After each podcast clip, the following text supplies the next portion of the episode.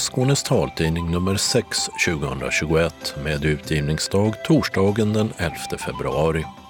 Solen gick upp i morse 7.41 och ner går den igen 17.05 ikväll. I varsin studio finns Dodo Parikas i Malmö och Åsa Kjellman Erisi i Lund.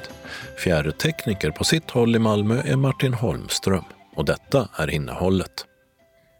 Antalet inlagda patienter och nysmittade minskar fortfarande och alla över 65 ska få vaccin så snabbt som möjligt.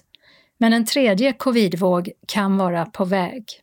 Allt som kan vänta får fortfarande vänta. Ögonsjukvården på Skånes universitetssjukhus fortsätter med halv kapacitet fastän covidläget ljusnat och nu får privatkliniker ta emot akutfall.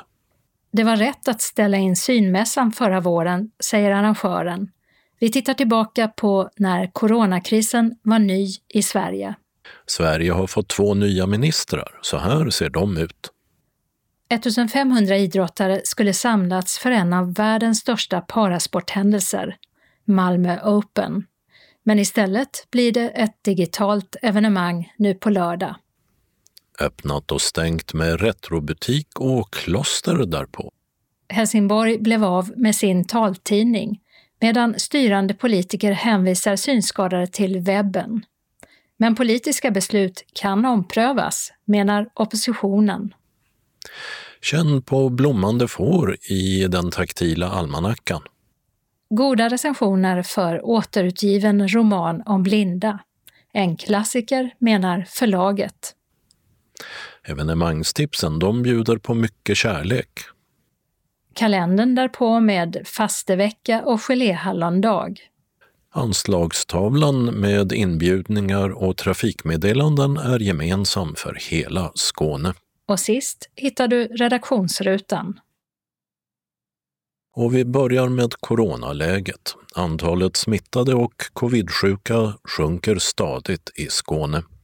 Den senaste tiden har under 500 nya fall per dag hittats till skillnad mot kring det tredubbla om dagen runt jul. Ett drygt 40-tal patienter med covid var inlagda för intensivvård och över 180 stycken på vårdavdelning på Skånska sjukhus enligt aktuella siffror den 8 februari. Men en tredje våg kan vara på väg och alla uppmanas av Folkhälsomyndigheten och smittskyddsläkare att inte släppa efter på smittskyddsåtgärderna. Regeringen vill också från och med den 14 februari ålägga trafikföretag att bara sälja högst hälften av platserna på tåg och långfärdsbussar som kör längre än 15 mil. Den som redan köpt biljett riskerar däremot enligt förslaget inte att bli av med den och restauranger ska fortsätta att sluta servera alkohol 20.00. Sverige har också som mål att det till sommaren ska finnas ett digitalt intyg som visar att man är vaccinerad mot covid-19 när Sverige och länder runt omkring oss börjar öppna upp kommer det sannolikt att ställas krav på vaccinationsintyg för att resa och delta i andra aktiviteter, meddelade digitaliseringsminister Anders Ygeman och fortsatte. Alla som vaccineras har rätt att få ett intyg av vaccinatören. Nu tar vi fram en digital infrastruktur för vaccinationspass och verifiering av dessa. Det kommer att göra vaccinationsintygen säkrare, enklare och internationellt gångbara. Och när det gäller vaccineringen så visar de senaste offentliggjorda siffrorna från vecka 6 att omkring 43 000 personer i Skåne fått sitt första stick och att ytterligare närmare 5 000 även fått den andra dosen. Fortfarande vaccineras de i den första fasen, äldre i särskilt boende eller med hemsjukvård eller hemtjänst och behov av omvårdnad. Personal inom äldreomsorgen som arbetar nära boende, dessutom även omsorgstagare samt vuxna som lever tillsammans med någon som har hemtjänst och omvårdnadsbehov och prioriterad vårdpersonal inom akutsjukvård. Eftersom Folkhälsomyndigheten nyligen kom med nya riktlinjer så sänks åldersgränsen för den andra vaccinationsfasen från 70 till 65 år. Dessutom ska flera nya medicinska riskgrupper, till exempel de med LSS och assistansersättning börja vaccineras samtidigt. Vi får sannolikt räkna med att det kommer att ta något längre tid att vaccinera klart den här gruppen, säger Per Hagstam, biträdande smittskyddsläkare och vaccinsamordnare i Region Skåne. I kommande faser blir ålder en viktig parameter att ta hänsyn till, fortsätter han. Här kommer högre ålder i kombination med medicinska riskfaktorer att prioriteras. Även grupper som kan ha särskilda svårigheter att följa smittskyddsåtgärder kommer att inkluderas enligt Folkhälsomyndighetens nya besked, avslutar Per Hagstam. Region Skånes smittspårning koncentrerar sig just nu på ungdomar men man skulle vilja kontakta alla som smittats av covid-19 för att kartlägga deras kontakter. Fast inte ens med det stadigt minskande antalet smittade i Skåne så hinner man med det. Inte heller så har man hittills undersökt vilken typ av viruset någon bär på, alltså om det är en muterad variant eller ej. Men redan nästa vecka, vecka 7, så räknar regionens labb med att börja kartlägga vilka virusvarianter som finns i omlopp i Skåne och hur pandemin utvecklas här när fler vaccineras. Coronaläget har alltså ljusnat i Skåne med allt färre smittade och inlagda på sjukhus sedan toppen i början av januari. Men ögonsjukvården på Skånes universitetssjukhus har inte fått tillbaka personalen som i december flyttades till vård av covidsjuka. Och ögonsjukvården är fortfarande nere på halv kapacitet. Som inom all annan sjukvård inom Region Skåne är de beordrade att låta allt vänta som kan vänta av rädsla för att smittspridningen ska ta fart igen.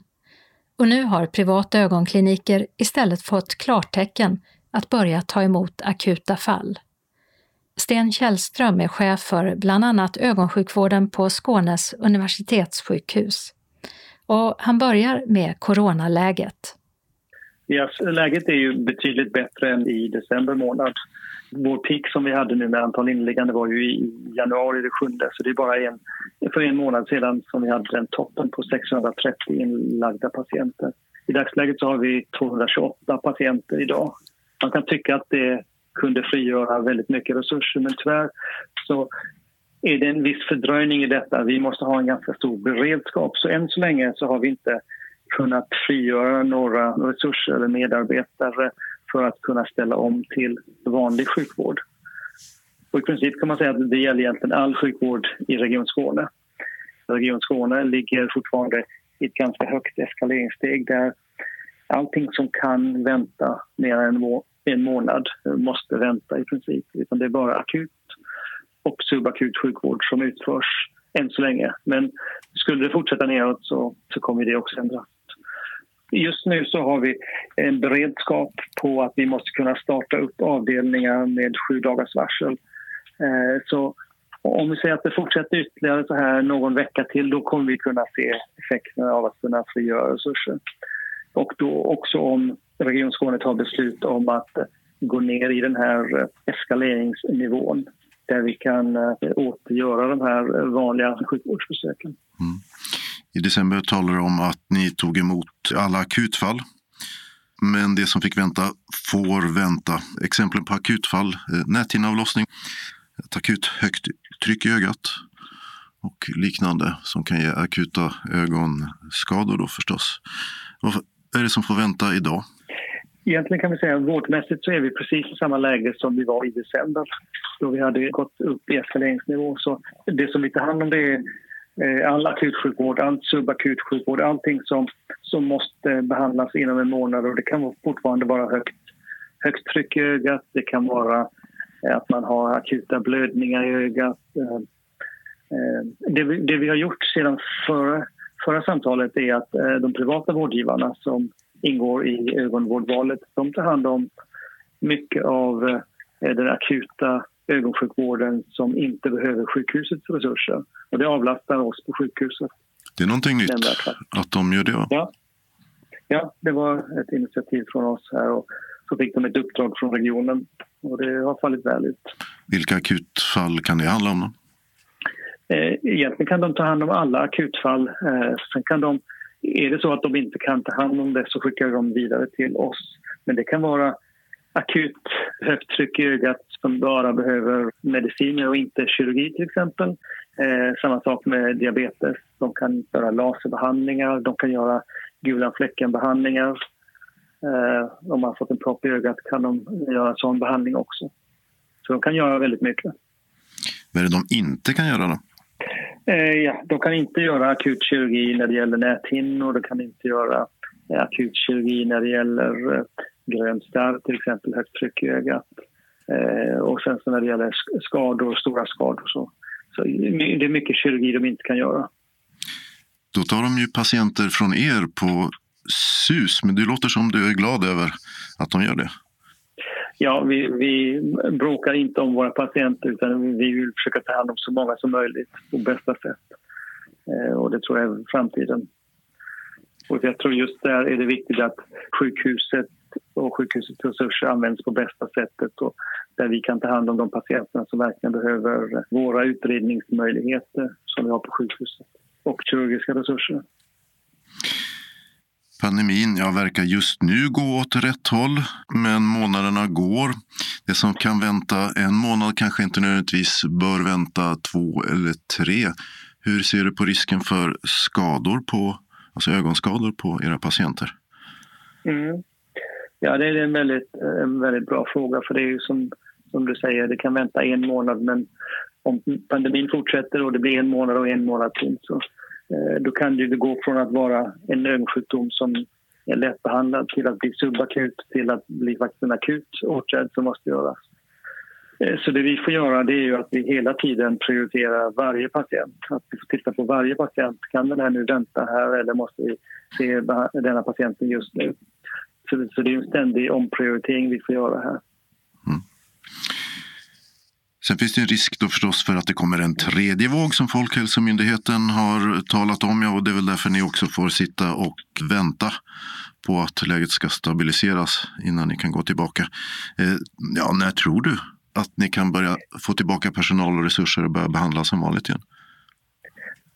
Jag tror att om, om vi inte får en, en tredje våg Eh, så tror jag att inom, vad ska jag säga, inom en, en två, två, tre veckor så kan vi börja komma tillbaka i, i liten, lite mer normal takt. Sedan kommer vi inte kunna komma tillbaka i full takt eh, oavsett om vi tar tillbaka all coronasjukvård på grund av att vi kan inte ha så många patienter i väntrummet samtidigt till exempel.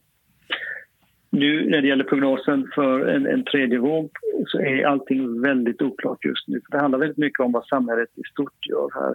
Eh, fortsätter vi att hålla distans och använda munskydd så, så kan det vara så att vi kanske slipper den här tredje vågen men annars finns en stor farhåga i att för detta är ju månader nu egentligen som det brukar vara väldigt mycket influensa och mycket smittor. Eh, så, så vi håller andan just nu lite grann här nu. Vi vet inte exakt vad som kommer hända de närmaste veckorna. Om tre veckor så vet vi om vi får en tredje våg tror jag. Det sa Sten Källström, chef för ögonsjukvården och dessutom för områdena endokrin, hud och reproduktionsmedicin på Skånes universitetssjukhus. Reporter var Mats Sundling. För lite mer än ett år sedan konstaterades det första fallet av covid-19 i Sverige. Det var en kvinna som kommit hem från en resa till Wuhan i Kina som smittats av coronaviruset. Och sedan dess har det i otaliga nyhetssändningar och även här i Skånes taltidning rapporterats och rapporteras fortfarande om viruset och dess många följdverkningar. Vår första intervju i ämnet handlade om Svensk syn som tidigt vårvintern 2020 ställde in synmässorna i Malmö, Stockholm och Göteborg. Så här lät det i taltidningen nummer 10 i början av mars. Vi hör Jörgen Andersén, ordförande i branschorganisationen Svensk syn. Med stor sorg och moget övervägande har vi valt helt enkelt att eh, tillfälligt ställa in Svensk synmässan då, eh, med tanke på den rådande situationen när det gäller coronavirusets eventuella spridningsrisk. Och hur kommer det sig att ni tog det här beslutet? Man har ju ansett att det har varit en låg spridningsrisk men sedan i helgen har man uppgraderat detta från, från låg till medel. Så det är en bedömningsgrund kring det hela. Då. Dessutom är det då i och med att de här eh, utställningarna sker på Stockholm, Göteborg, Malmö och där det har funnits vissa spridningar i alla fall, då det, det som varit inledningsvis har varit i de här stora städerna. Det var också en bevekelsegrund. Jag har haft en del samtal med personer som har tagit kontakt med Svensk Sy och yttrar oro och har frågor kring evenemang där vi har större sammankomster. Och även det här med orosmomentet måste man ta med allvar, även om det är en, en låg risk med tanke på spridning. Då. Så att, eh, vi, vi, säger att vi, vi hellre tar det säkra för det osäkra. Och det är för allas säkerhet. Utan att på den skull vilja spä på oro och liknande så spekulationer kring spridningsrisken. Men vi måste göra en bedömning vad som rimligas utifrån de som går där. Ja, ett beslut som var svårt att ta om att ställa in alla synmässor när smittspridningen fortfarande var mycket låg i Sverige. Men några enstaka fall då utvecklade sig snabbt till betydligt fler. Inte minst efter att många sportlovsresenärer smittats när de var på skidsemester i Alperna. Och den 11 mars deklarerade Världshälsoorganisationen WHO att covid-19 var en pandemi och sa då att sjukdomen finns eller kommer snart att finnas i alla världsdelar och kommer sannolikt att drabba alla världens länder. Och så blev det också. Och i så gott som varje nummer av Skånes taltidning har vi från detta första inslag berättat om följderna av viruset. I början handlade det om inställda parasporttävlingar och ett inställt Paralympics, vikten av att tvätta händerna och krav på ensamåkning i färdtjänsten och oändligt många inställda evenemang. Och så här ett år efter, hur ser Jörgen Andersén från Svensk Syn på beslutet de tog om att ställa in synmässan när man fortfarande inte visste hur omfattande smittspridningen skulle bli? Vi var ju ganska tidigt ute i och med att eh, jag tror väl större delen av det officiella offentliga Sverige satt väl och kliade sig lite grann i huvudet hur man skulle förhålla sig till den då ganska nytillkomna pandemin. Alla var ju ganska villrådiga, man visste ju inte riktigt vad man skulle göra. Det, det, var ett svårt beslut, men vi sa det att vi kan inte riskera någons hälsa och framförallt eftersom många utav framförallt då eh, brukarna är äldre. Och vi hade ju hört ryktet då att eh, just de äldre var mer sårbara kanske än de yngre. Så vi valde att ta det säkra för det osäkra. Och hur känns det idag att ni tog det här beslutet? Det var helt korrekt. Vi var före de andra, kan man säga, fatta det här beslutet. Eh, och så här med, med facit i hand så var det helt korrekt. Det var helt korrekt att göra på det här sättet. För jag vet då att, att du liksom verkligen sa att eh, ja, vi vet inte om vi tar i för mycket och om det är eh, rätt, men vi vågar inte chansa ungefär. Ungefär så, ungefär så var det. Fick ni mycket kritik för det här att ni då ställde in alla de här påkostade mässorna? Nej, vi, fick inte det utan vi fick mestadels faktiskt då mycket förståelse. Många tyckte att det var väldigt tråkigt. Synd att det inte blev en sån här mässa, självklart, vilket vi också tyckte. Men vi fick faktiskt mer positiva genmälen än någon kritik. Jag kan faktiskt inte komma ihåg faktiskt någon som sa någonting negativt. Det här året då, när pandemin har härjat. Hur har ni klarat er på Svensk Syn? Svensk Syns medlemmar har ju haft eh, och har fortfarande det tufft. Redan alltså på våren så nästan samtliga medlemsföretag fick ju gå ner på deltid med stöd utav, för myndigheterna. Då. För att det, det visar sig då att eh, de, alltså de stora kundgrupperna för Svensk Syn är ju då syncentralen, alltså landstingen och eh, Arbetsförmedlingen. Och här drogs ju verksamheterna ner väldigt kraftigt, väldigt snabbt. Dels på grund av att man hade ju då restriktioner på om man fick komma överhuvudtaget då till en syncentral. Eh, alternativt att eh, brukarna själva ville inte gå dit. Och det är självklart att det här påverkade ju då man säger, förskrivningen och i sin tur så påverkade det försäljningen då hos eh, leverantörerna som fick gå ner på, på deltid. Ganska kraftigt. Hur har ni klarat det då? Har det gått med hjälp av då att ni har fått ersättning för de som har gått ner på deltid och så ifrån myndigheter? Samtliga leverantörer har ju fått gått ner i, i tid. Det har varit lite olika eh, beroende på vad man haft för inriktning. Men eh, det är självklart att ersättningarna har ju då skapat förutsättningar att, att i, i princip överleva, om vi ska nu prata klartext. Det har varit en tuff situation och det är en tuff situation. Men eh, än så länge så har vi, våra medlemmar har näsan ovanför vattenytan, men inte mycket mer. Har du någon siffra på, om du tittar på Svensk Syn med era medlemsföretag, hur mycket det har gått ner för er under pandemin? Jag har alltså ingen samlad branschsiffra eh, än så länge, men någonstans i storleksordningen en 30 procent skulle jag skatta det som. Och det är väldigt mycket. Väldigt mycket. Och synmässorna framåt, hur ser det ut med dem? Alltså de diskussioner vi har haft inom Svensk syn det är ju då att vi, som, precis som, som alla andra verksamheter, man börjar titta på kan man göra virtuella utställningar. Och det, det kan man göra rent tekniskt sett. Det är lite svårare i och för sig då om man har mässor som riktar sig mot brukarna för att merparten av brukarna är äldre och har alltså inte den, eh, kanske den tekniska utrustningen eller den tekniska kunskapen att kunna liksom delta i virtuella möten. För eh, professionen är det lite annorlunda för att vi, vi träffar ju nästan inga syncentraler eller hjälpmedelscentraler i dagens läge utan allting sker ju via nätet. Eh, alltså här finns ju liksom mer resurser och också tekniskt kunnande att kunna liksom hantera en sån här situation. Och det har faktiskt gått ganska bra. Vi har ju liksom utbildningar idag som sker virtuellt så att säga då. Men det är ju inte samma sak som att mötas eh, live. Det är en helt annan sak. Har ni sett någonting som har blivit mycket mer populärt eh, av någon av era produkter för att det just är en pandemi? För Iris hjälpmedel, där jag jobbar, då, så är det febertermometer. Det är radioapparater för synskadade. Och det är självklart, det, är ju i en sån här situation så blir det de, de, de tingen som man liksom flyttar närmare sig. Men det finns också något positivt att hämta från den nya verklighet vi lever i, med social distansering, som också lett till en ökad digitalisering, anser Jörgen Andersén.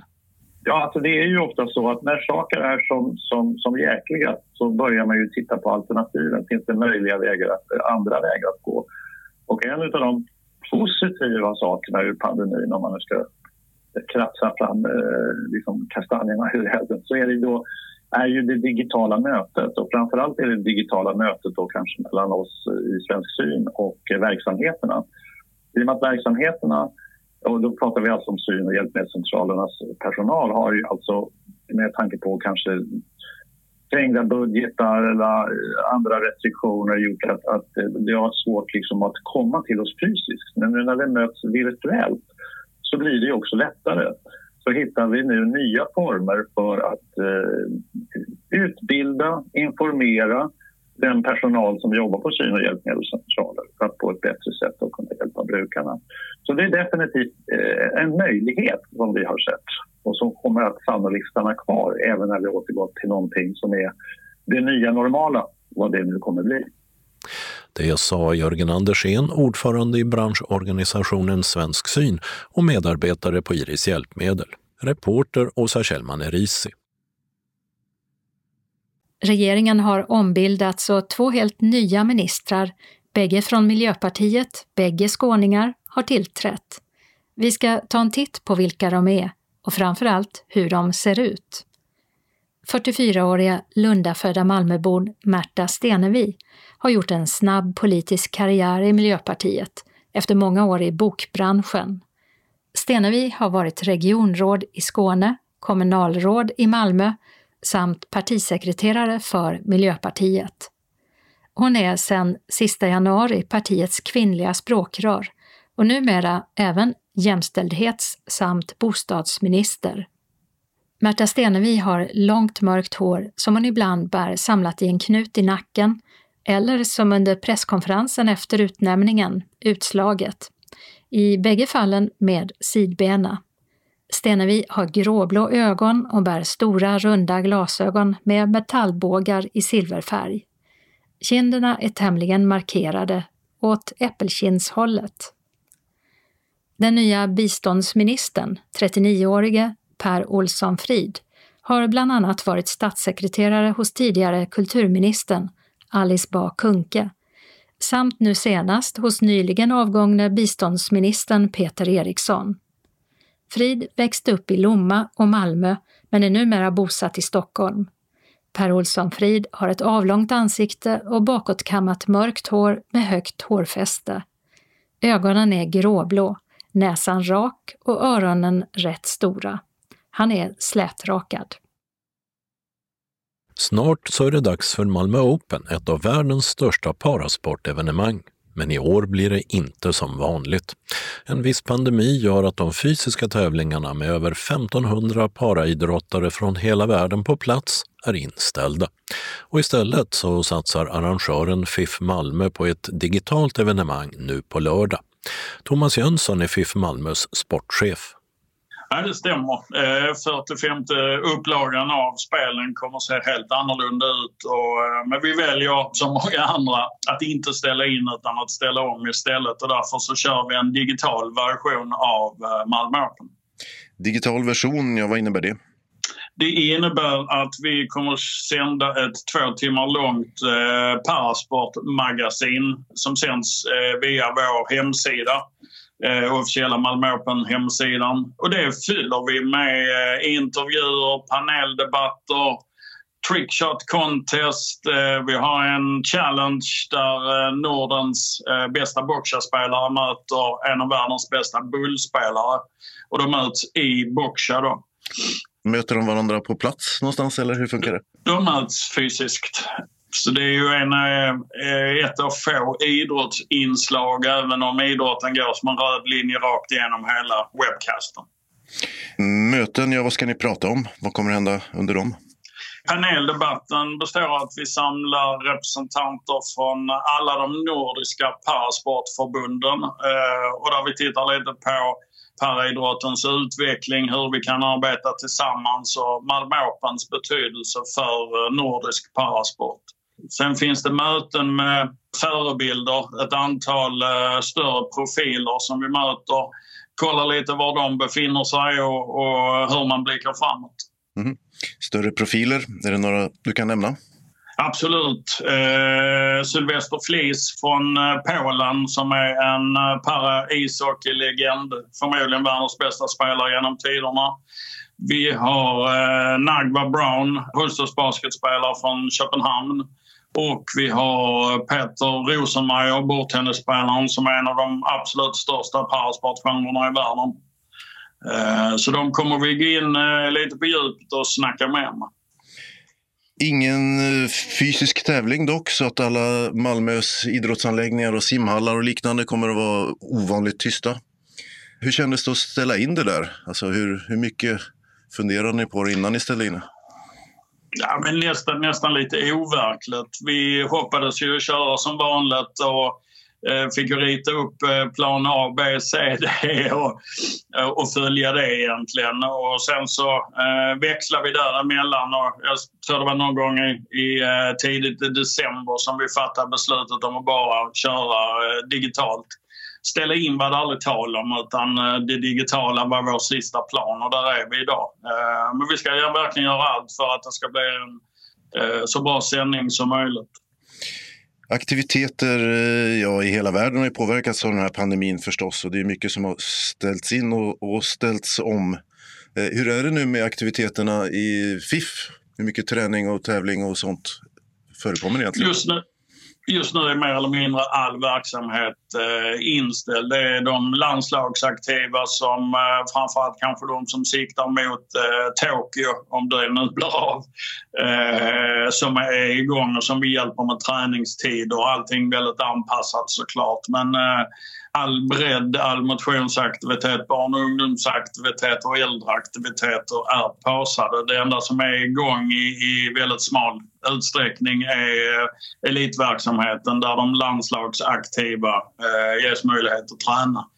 Eh, så att det är ju eh, det är tufft, men vi har många medlemmar som är i riskgruppen olika diagnosgrupper. Om man tittar på de med intellektuella funktionsnedsättningar så är det kanske inte lika lätt att förhålla sig till det här med att nysa i armvecket och, och och hålla hygien med händer och, och så här. Så att eh, det är en balansgång hela tiden för oss som förening. För vi vet ju också att det innebär social isolering och psykisk ohälsa av att man inte kan komma till mötesplatsen FIF-hallen eh, och övrig verksamhet. Så att, eh, men vi försöker hålla igång, spela in egna träningsfilmer och lite annat där vi använder sociala medier. Men eh, det är klart, det är en, det är en tuff tid för många. Ja, hur ser ni på det framåt? Hur fattar ni beslut om när ni öppnar eller inte igen? Dels hämtar vi in information från Folkhälsomyndigheten, Riksidrottsförbundet, Malmö stad och regionen såklart. Eh, men sen får vi göra en egen bedömning eftersom att majoriteten av medlemmarna tillhör någon form av eh, riskgrupp. Så att eh, FIFs styrelse träffas regelbundet mer än vanligt och, och just och kollar när kan vi öppna upp eh, och när vi öppnar upp, öppnar vi upp successivt, eh, tar det eh, stegvis då eller eh, hur vi ska hantera det. Men just nu är det februari månad ut som gäller. Och sen får ni se hur coronaläget och allt som hör till det är då helt enkelt. Precis. Sa Thomas Jönsson, sportchef på FIF Malmö. Nu på lördag den 13 februari sänds den digitala versionen av Malmö Open på hemsidan malmo-open.com mellan klockan 13 och 15. Reporter var Mats Sundling. Öppnat och stängt. I Skillingehamn har Retrobutiken precis en sån öppnat. Men i pandemins spår är det svårt att få tag på bra retrovaror från loppisar så därför säljs även nyproducerat i retrodesign. I Klippan har krogen och nöjeshuset Norrehus lagt verksamheten på is. Bed and breakfast fungerar som vanligt. I Svalöv har en specialdesignad coronasäker träffbänk invigts. Bänken är placerad mellan kommunhuset och vårdcentralen och det finns en plexiglasskiva mellan de som sätter sig på bänken. Träffbänken har tagits fram för att minska den ofrivilliga ensamheten mellan människor. I Ystad fortsätter klostret som inrymmer Ystad stadsmuseum att ha stängt på grund av renoveringsarbete och digitalisering av samlingarna. Planen är att öppna igen den 5 juni. I Ystad har Café Chill på gågatan, adress Stora Östergatan 39, stängt eftersom man bytt ägare och namn. I slutet av februari eller början av mars, efter en viss ombyggnad, öppnar istället kedjan Graffiti Café. I Helsingborg är synskadades rätt till information en stridsfråga mellan den styrande borgerliga alliansen och oppositionen i staden. Helsingborgs eh, taltidning lades ner när den dåvarande redaktören pensionerades.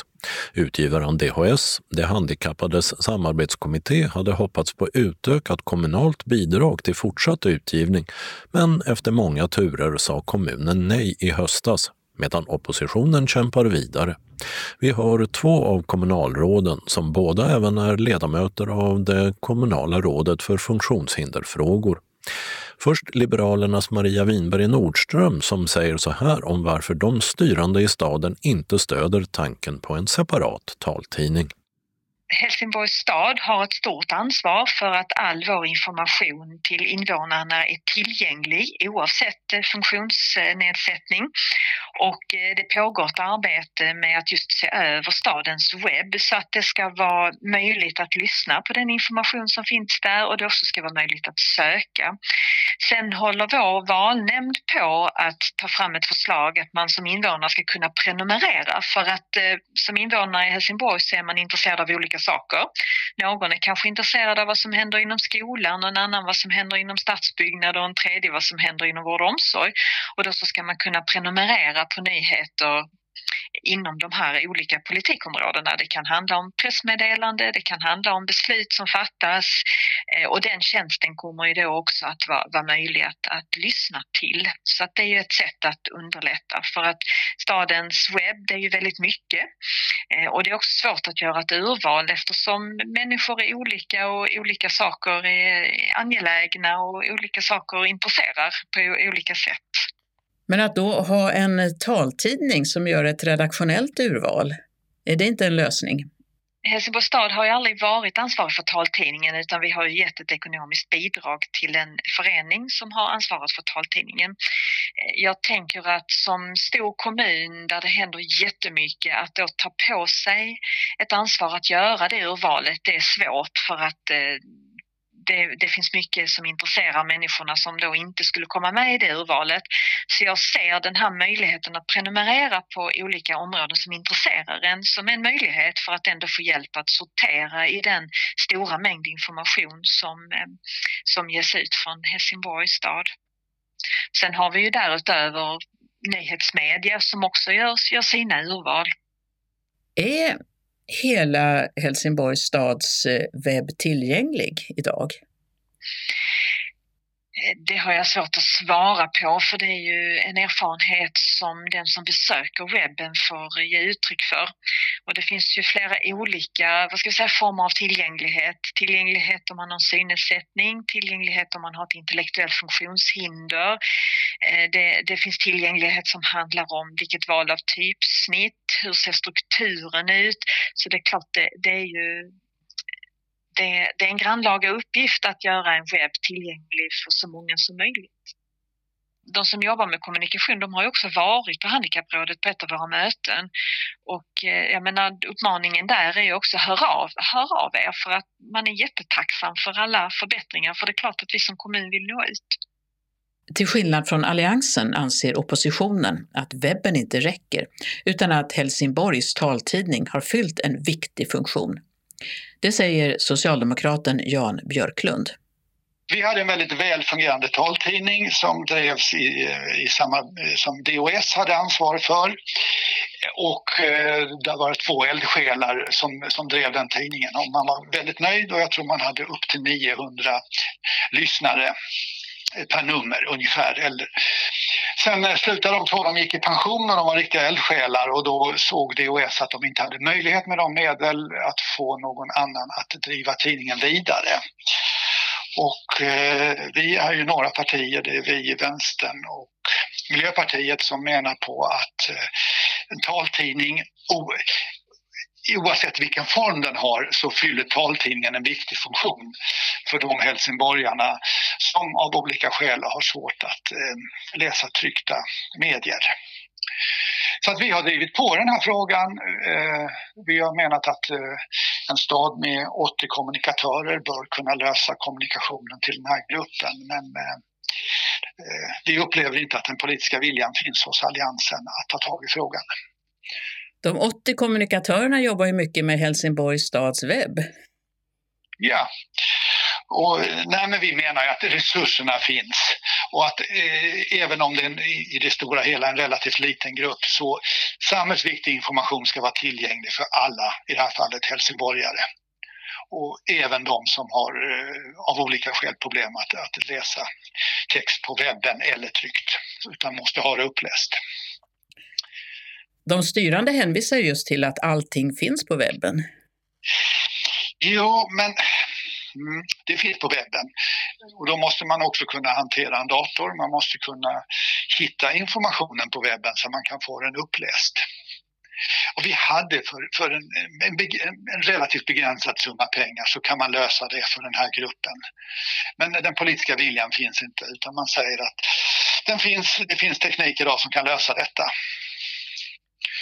Eh, och då gäller det ju inte bara alltså nyhetstidningar, det gäller ju även samhällsinformationen. Och då måste man ju kunna hitta den på webben, vilket kanske inte är så lätt för en synskadad.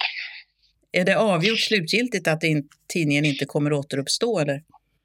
Det är avgjort slutgiltigen, men politiska beslut kan ju alltid omprövas. Och det här är en fråga vi kommer att fortsätta driva under mandatperioden när tillfälle ges vid budgettillfällen eller som motioner. Nu hade vi den uppe så sent som i höstas. Och finns det ingen politisk majoritet utan Alliansen och Sverigedemokraterna säger nej, eh, då finns det inget annat för oss att göra än att fortsätta driva på och det gör vi. Sa Helsingborgs oppositionsråd Jan Björklund, socialdemokrat. Vi hörde också Liberalernas kommunalråd Maria Winberg Nordström och bägge är ledamöter av det kommunala rådet för funktionshinderfrågor i staden.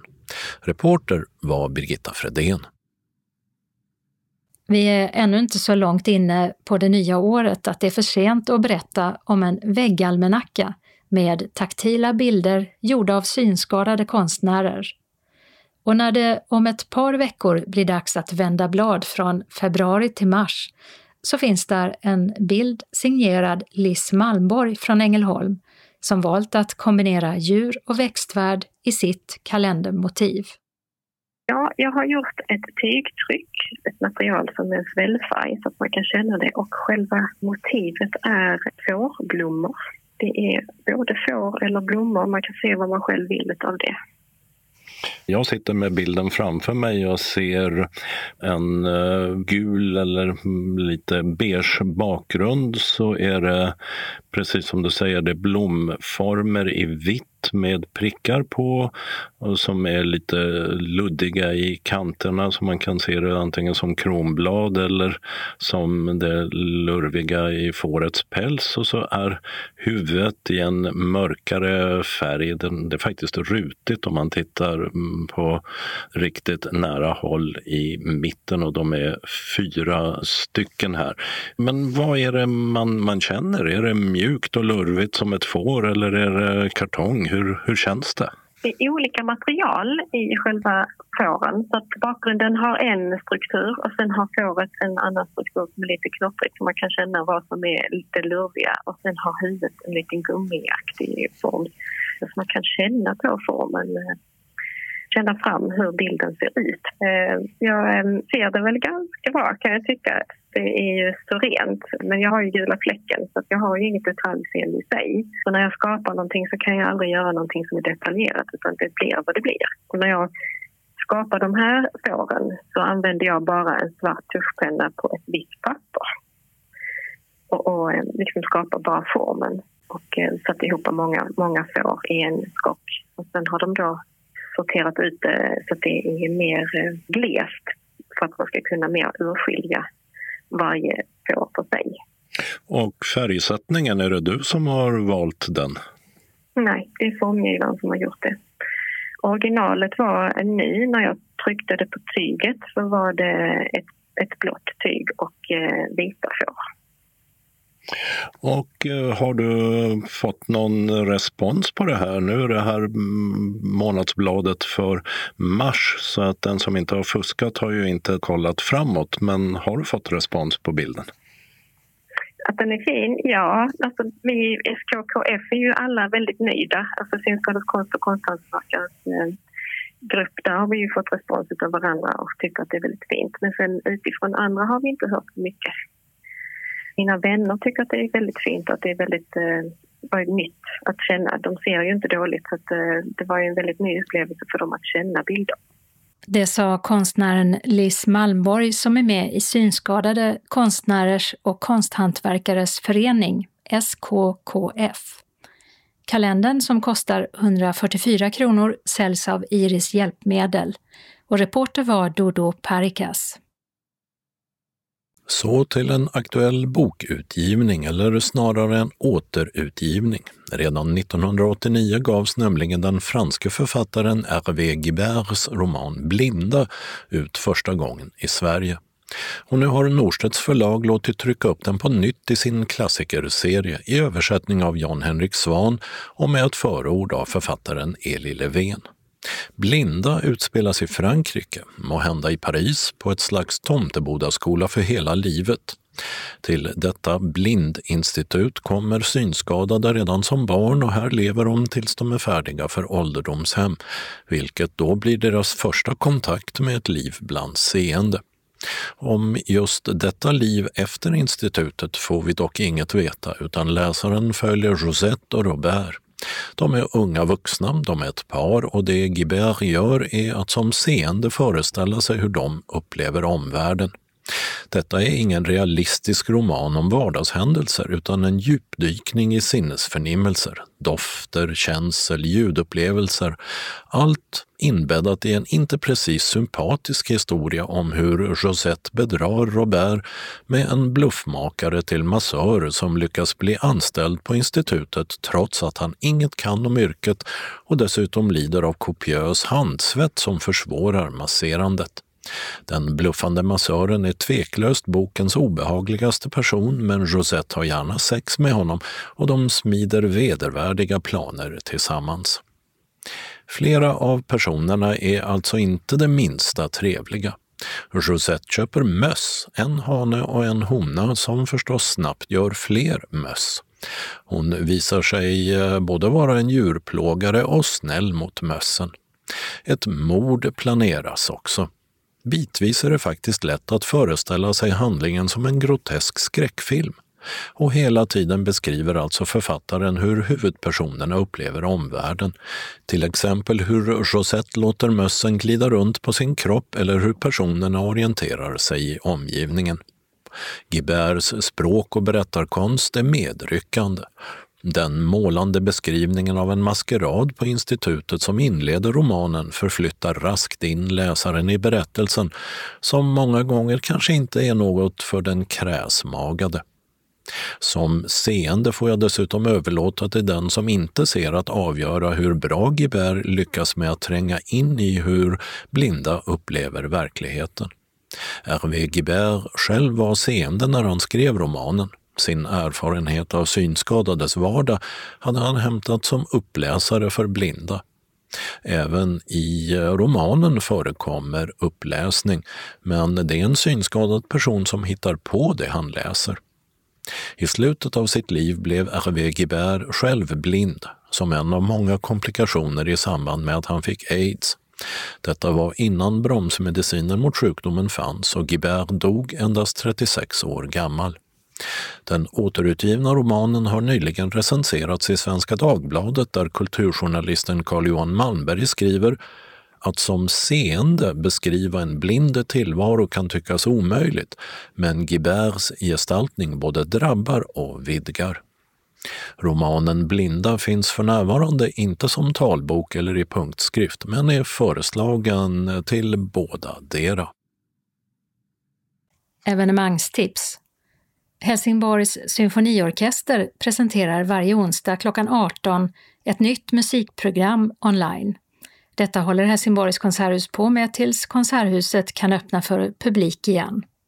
Vårens programserie går under namnet Musik för nyfikna. I början blir det mycket kammarmusik med färre musiker från orkestern. Men i takt med att pandemin avtar och restriktionerna lättar hoppas HSO att stegvis kunna återgå till konserter med full orkesterstyrka och publik i salen. Fram till dess kommer publiken via digitala kanaler att kunna lyssna till konserter, musiksamtal och andra inslag. Onsdagssändningarna innehåller också önskemusik och nykomponerade stycken av kompositionsstudenter. Och också barn inbjuds att önska sina favoritlåtar. En kvart före varje sändningstillfälle kommer en kort introduktionsfilm om Helsingborgs konserthus funkisarkitektur att visas. Och vill man så kan man också höra av sig med egna önskemål eller skicka in sin egen berättelse om en konsertupplevelse med HSO, som kanske kommer att läsas upp i programmet. Livesändningarna hittar man på hemsidesadressen helsingborgskonserthus.se live. Bio Panora, Folkets bio på Frisgatan 19D i Malmö öppnar igen för en publik på som mest åtta personer per salong från och med fredagen den 12 februari. Biografen har haft stängt sedan i mitten av november. Till en början kommer öppettiden att vara onsdag till söndag. I och med att Panora öppnar så finns det nu två öppna biografer i Malmö. Biograf Spegeln vid Stortorget har också öppet. I de centrala delarna av Lund kan man under söndagen den 14 februari stöta på Allsångståget på Kärlekens spår mellan klockan 11 och 14. Ett tåg fullt med musik stannar till på gator och torg och utlovar att lovebomba Lund på alla hjärtans dag med mycket kärleksfull och glädjerik musik. Linda Lundqvist och Allsångståget vill sprida värme i februarikylan så här på Vinterlunds sista dag. Och det är gratis att lyssna. Trelleborgs församling och Trelleborgs kommun anordnar en digital konsert, Amore, kärlekens sånger. Det handlar om att få bli älskad för den vi är oavsett kön, identitet, läggning och ålder. Välkända och omtyckta kärlekssånger från olika genrer står på repertoaren. Lisa Romé och Martin Warnberg sjunger och Martin Arpåker spelar piano. Vill man lyssna på konserten så läggs den ut på Youtube söndagen den 14 februari klockan 16. Helsingborgs arena och scen anordnar för fjärde gången Kulturweekend. Men denna gång blir det ett digitalt evenemang med premiär den 19 februari. Sen avlöser ett tiotal programpunkter varandra efterhand och alla kan ta del av dem helt gratis på webbplatsen wknd.se Först ut är 123 Stunk med monologen Shakespeare, den absoluta sanningen. 123 Stunk avslöjar allt och lite till om världslitteraturens kanske största författare. På scenen står Lasse Beischer och en hejdlöst underhållande resa in i Shakespeares värld utlovas. Den 19 februari blir det även ett möte med författaren och journalisten Patrik Lundberg. Marianne Svab, journalist på Helsingborgs Dagblad, leder samtalet om Lundbergs bok Fjärilsvägen, som handlar om Patrik Lundbergs uppväxt i Sölvesborg. Och Fjärilsvägen finns inläst som talbok. Biljettinformation Panora, Folkets Bio Malmö 040 611 20 97 Helsingborgs konserthus 042 10 42 80 Helsingborgs arena 042 10 31 60 Hässleholms kulturhus 0451 26 66 70 Kalendern vecka 7 börjar med måndagen den 15 februari då Sigfrid har namnsdag.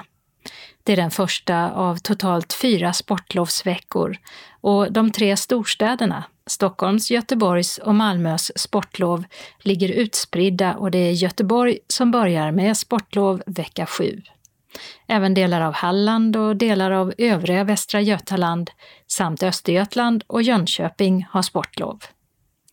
För 130 år sedan bildades AIK, Allmänna idrottsklubben, av några ungdomar i Stockholm och Isidor Berens blev klubbens första ordförande.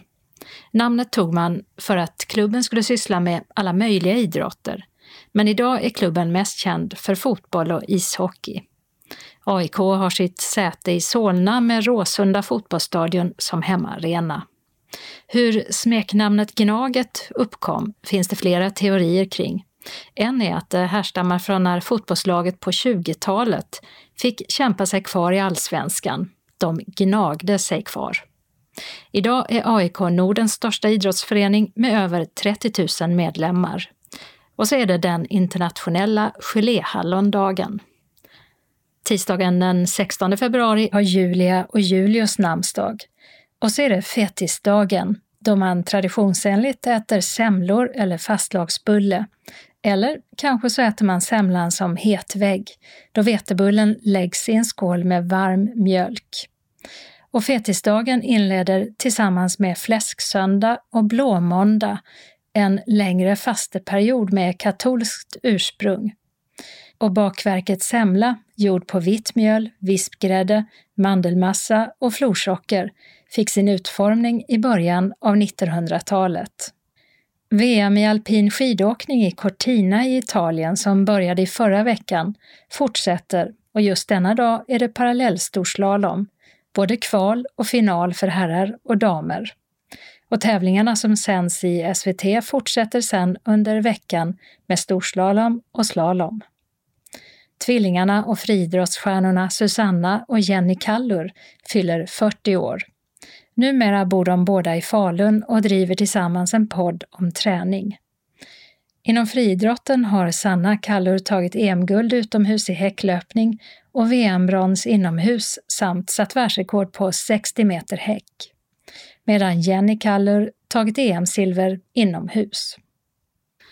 Onsdagen den 17 februari är det askonsdag och Alexandra och Sandra har namnsdag.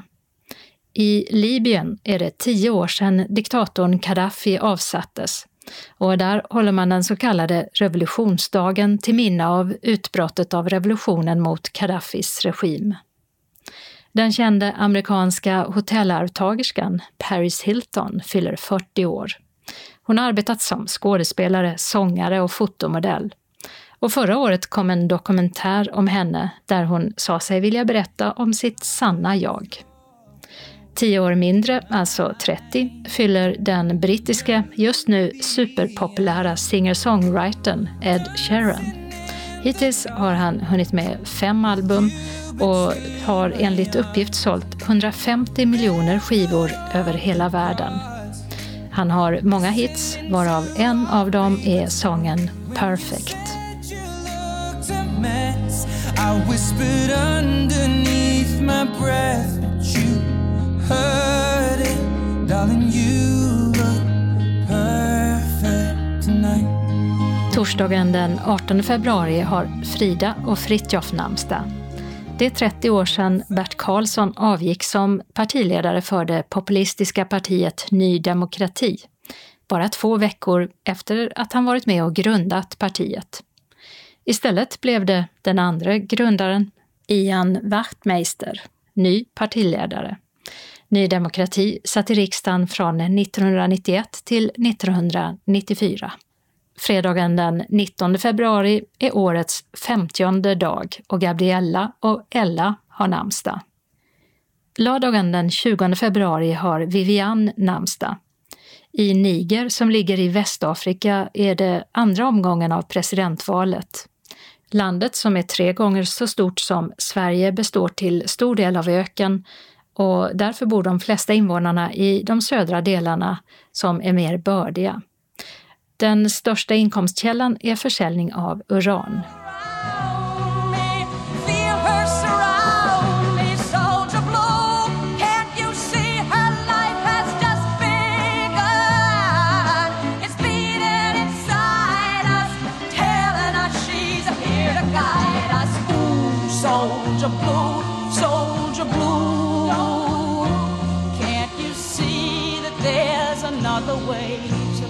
Den kanadensiska sångerskan Buffy St. Marie fyller 80 år.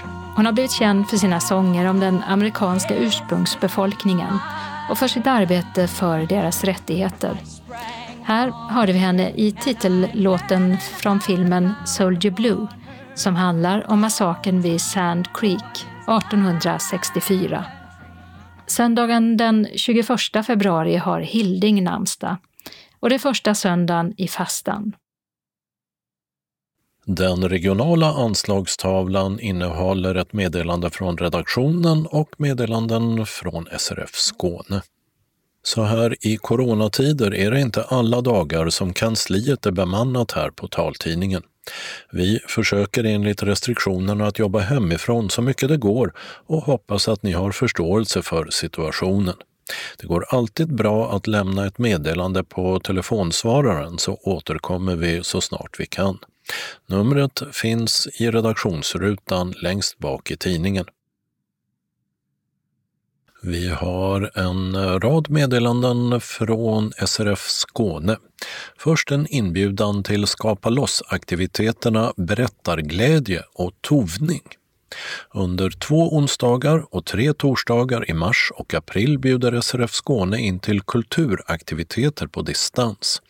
Detta är ett samarbete med kulturprojektet Skapa loss och ABF i Skåne. Två onsdagar, den 17 och 24 mars, anordnas två endagars nybörjarkurser i tovning med pedagogen Lena Skott. Och under tre torsdagsträffar 18 och 25 mars samt 15 april så släpper vi loss skriv och berättarglädjen tillsammans med skrivpedagog Emily Ånskog. Ingen deltagaravgift tas ut för någon av kurserna. Aktiviteterna genomförs på distans med både bild och ljud via Microsoft Teams-möten i din dator, mobil, läsplatta eller telefon. Trots corona får vi en möjlighet att både umgås och prova på nya sätt att uttrycka sig. Synskadades riksförbund har sedan våren 2019 arrangerat kultur och hantverksaktiviteter för personer med synnedsättning i flera delar av Sverige genom projektet Skapa loss och nu har turen kommit till Skåne. Ta nu tillfället och var med och skapa loss tillsammans med andra med en synnedsättning. SRF respekterar rådande restriktioner för allmänna sammankomster och försöker ständigt hitta nya sätt att genomföra våra kulturaktiviteter. Vi genomför därför denna aktivitet genom Teams, ett digitalt mötesverktyg för att sammanföra flera personer som sitter på olika ställen. Man kan då välja att slå på sin video för att både se andra och låta andra se sig själv om man har det behovet. Det går också bra att ringa in via telefon. Hoppas att du vill vara med. Kurserna är följande. Berättarglädje 18 och 25 mars samt 15 april 18 till 19.30. Kursen lär oss våga berätta om hur din synnedsättning påverkat ditt liv. Skrivpedagog Emelie Ånskog delar med sig av sina skrivtips under första halvtimmens föreläsning. Därefter samtal, frågor och svar med deltagarna. Aktiviteten består av tre delar med avslutning med två synskadade författare och en hemlig gäst. Föreläsningarna spelas in och sänds till deltagarna som kursmaterial. Kursen avslutas med att Emily läser ditt manus och ger dig synpunkter på texten. Det finns dock inget krav på dig att skriva något. Du kan vara med enbart för att lyssna och inspireras. Aktiviteten fortsätter i maj med att du erbjuds delta i en bokcirkel där du själv får påverka valet av bok. Våttovning 17 mars klockan 17 till 19. Tova en tvål. Det låter må hända konstigt. Tova en tvål. Egentligen så skulle det kanske heta intovad tvål då man lägger ull runt om tvålen och tovar den så att den får ett hölje eller ett skal av ull. Resultatet blir en skrubb peelingtvål som man kan använda till skönhetsvård och som även är väldigt bra efter trädgårdsarbete. Kursen är för nybörjare. Nåltovning 24 mars 17 19. Tova din egen påskkyckling. Här använder vi en speciell nål som heter filtnål. Den har så kallade hullingar på sidorna som gör att den drar med sig den torra ullen när man sticker nålar i ull som man formar till olika former. På denna kurs kommer vi att tova en enkel form som vi gör till en kyckling. Denna form är även en bra grund till många andra figurer, så om ni tycker det är roligt att nåltova så kan ni tova till exempel tomtar, djur eller änglar av denna form. Kursen är för nybörjare. Material till båda kurserna i ull kommer skickas hem till deltagarna i brev utan extra kostnad. Det går bra att anmäla sig till båda kurserna eller enbart en. Antalet platser är begränsade. Anmälan till kurserna sker till kansliet SRF Skåne 040 777 75 eller mejl srfskane srfskane.se. Sista anmälningsdag 26 februari klockan 12. Meddela vilken eller vilka kurser du önskar delta i. Din anmälan är registrerad först då kansliet bekräftat att den mottagits. I bekräftelsen kommer även utförliga instruktioner om hur du ansluter dig till Teams. Mer information om berättarglädje Jan-Olof Asp, telefon 070 554 3628 eller mejl jan-olof.asp srfskane.se Mer information om toningskurserna Liss Malmborg, telefon 070 242 6074 eller mail liss.malmborg gmail.com. Liss stavas L-I-Z-Z. Välkommen! Undertecknat Arbetsgruppen för kultur och fritid. SRF Skåne vill också ha intresseanmälningar från de som vill lära sig att spela golf. SRF Skåne hade representantskapsmöte 21 november och antog verksamhetsplan och budget för 2021. En ny del som tillkommit är sport och hälsa, där golf är en av idrotterna. Vi söker dig som skulle vilja göra golfen till din sport och med hjälp av instruktion och träning ge dig möjlighet att få ett grönt kort eller speltillstånd så du kan spela på banan. Vi planerar att ha aktiviteter på tre klubbar i olika delar av Skåne. Mölle GK, Malmö Burlöv GK och Degeberga GK. För att du ska anmäla dig behöver du vara intresserad av att utöver den instruktörsledda träningen träna på egen hand. Du och din caddy kommer att träna tillsammans med instruktör och sedan själva mellan tillfällena. Beroende på din synnedsättning kan du behöva olika mycket hjälp av en ledsagare eller caddy som det kallas på golfspråk. Golfen består av olika moment men går ut på att få bollen i hål på så få slag som möjligt. Målsättningen är att när du kan de olika slagen komma ut på banan och spela. Din instruktör kommer att göra allt för att det ska bli så enkelt och individanpassat som möjligt. Det bästa är om du kan hitta en person som du fungerar bra med och har kul med, som kan bli din ledsagare, caddy. Då antalet platser blir begränsat vill vi att ni som är intresserade inser att det är en fantastisk möjlighet, men som kräver att deltagarna verkligen har vilja och motivation att lägga ner många timmar på detta. Denna aktivitet fungerar även som en testperiod inför ett längre projekt med finansiering från Allmänna arvsfonden som tillsammans med personer med synnedsättning under tre år ska arbeta fram ett målgruppsanpassat stödmaterial, informera och inspirera nya deltagare, utbilda och organisera projektambassadörer och inspiratörer, utbilda och organisera projektambassadörer, inspiratörer, utbilda och organisera stödpersoner vid golfklubbar runt om i Sverige samt organisera och befästa golfverksamhet och på så sätt göra golf tillgängligt för personer med synnedsättning. Skriv ett mejl till oss där ni berättar lite om er själva, tidigare erfarenheter, synstatus, möjlighet till egen ledsagare, förväntningar och ert mål med detta, så kommer vi att höra av oss när vi satt samman grupper. Detta år kommer att vara ett försöksår. Blir det lyckat och positivt så kommer vi att fortsätta. Anmälan e-post srfskane snabela srfskane senast 10 mars. Undertecknat Hans Olin och Maria Torstensson, arbetsgruppen Sport och hälsa. Om ni har några frågor kan ni ringa Maria 0708 97 17 85 eller Hans 0708 34 38 10.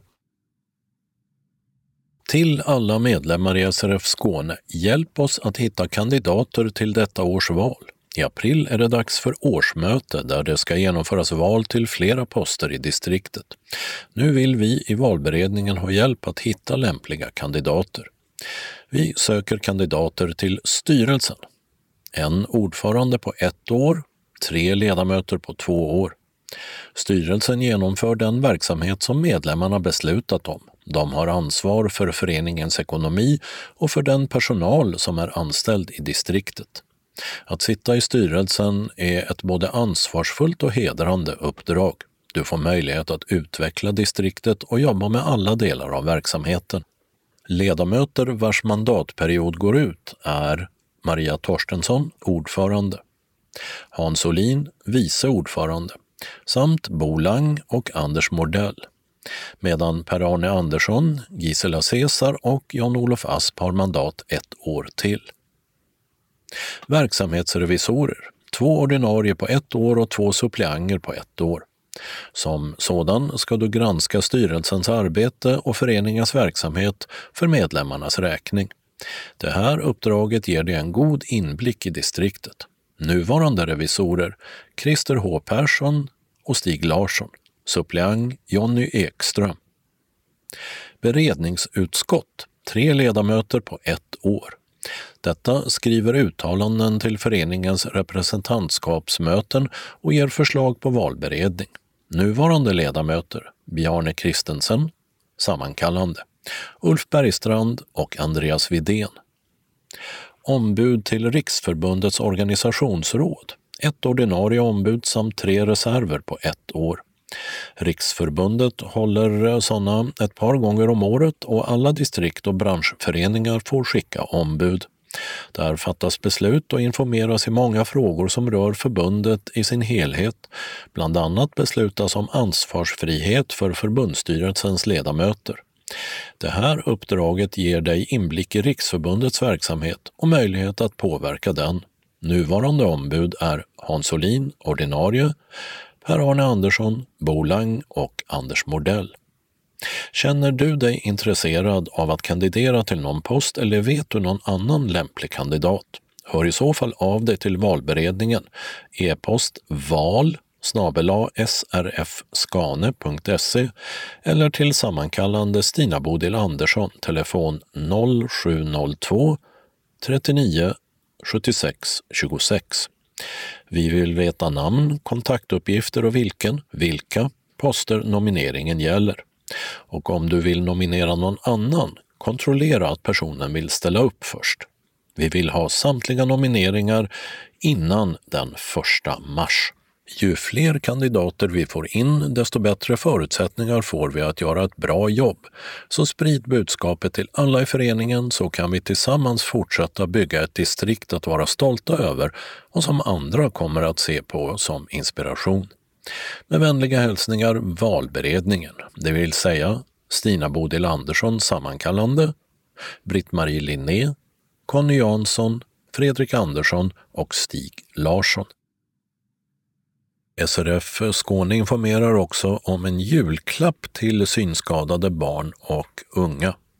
Synskadades riksförbunds lokalförening SRF Malmö och Svedala och dess understödsstiftelse gav inför julen ett ekonomiskt bidrag till synskadade barn och ungdomar som bor i Malmö med gränsliggande kommuner som Lund, Trelleborg, Svedala med flera.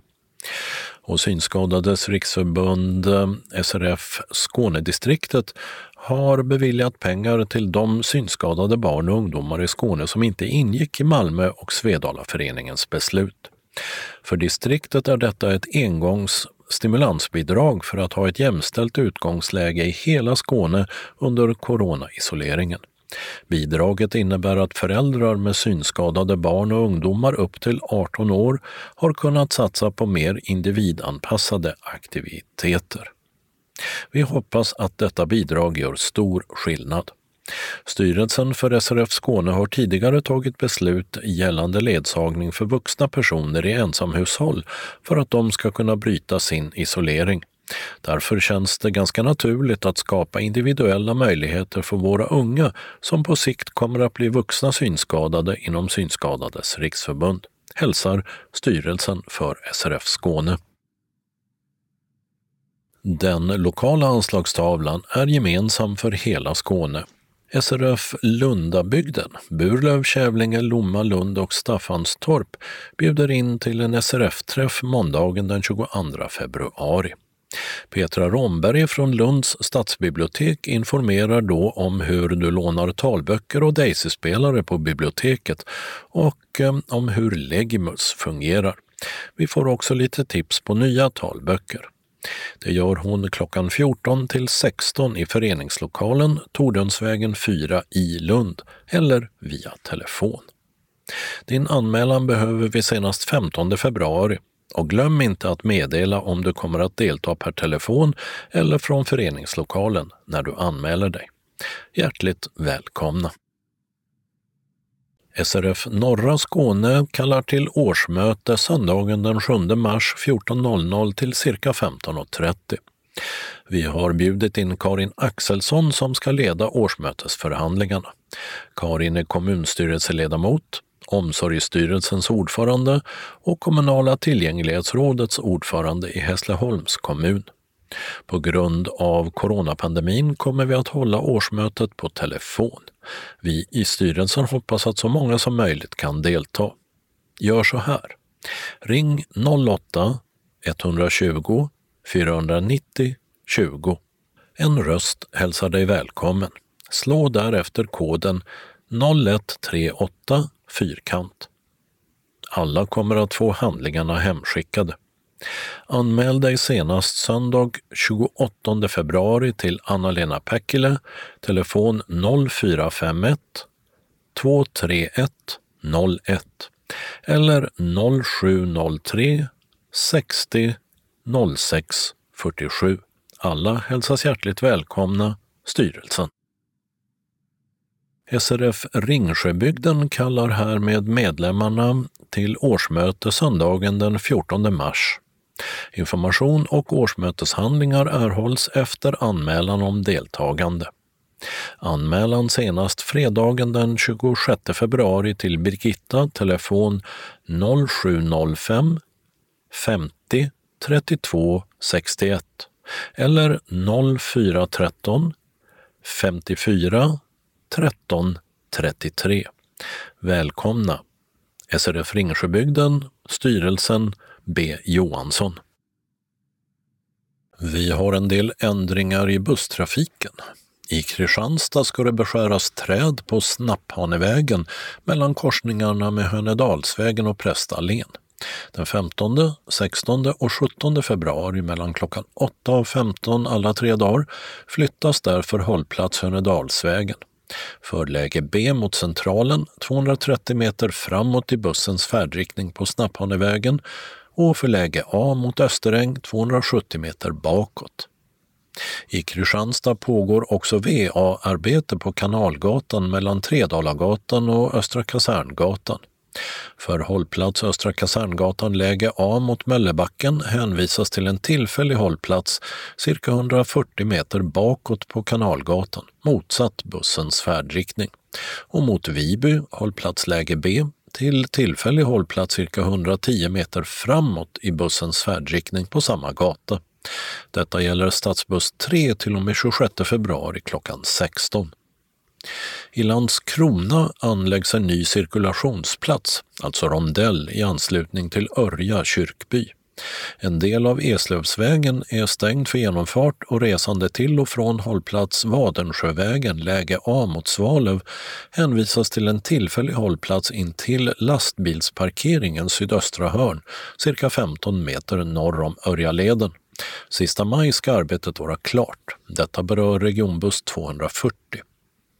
I Lund har hållplats Excellensen läge A på Tage Erlanders väg i riktning Botulfsplatsen öppnat igen och stadsbusslinje 2 stannar alltså åter på sin vanliga plats.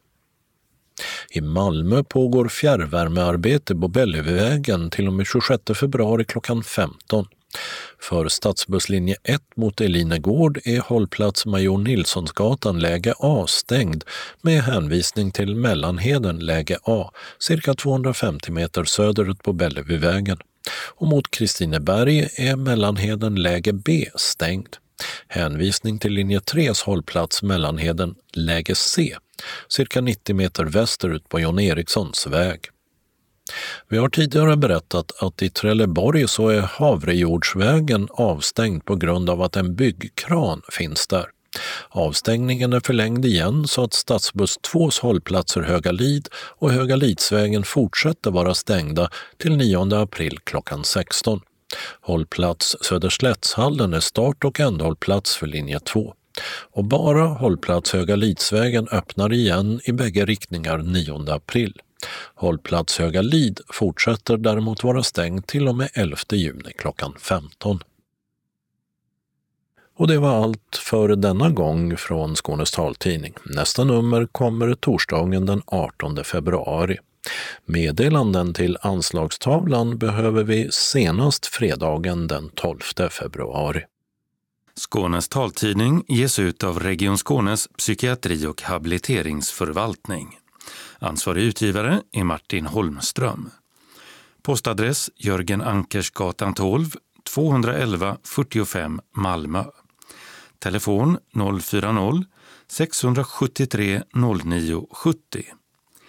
E-post Skanes taltidning snabela skane.se och hemsida skanestaltidning.se. Observera att CD-skivorna inte ska skickas tillbaka till oss Såväl skivor som kuvert kan läggas i brännbara sopor när ni inte längre vill ha dem. Vi hörs igen. Hej då!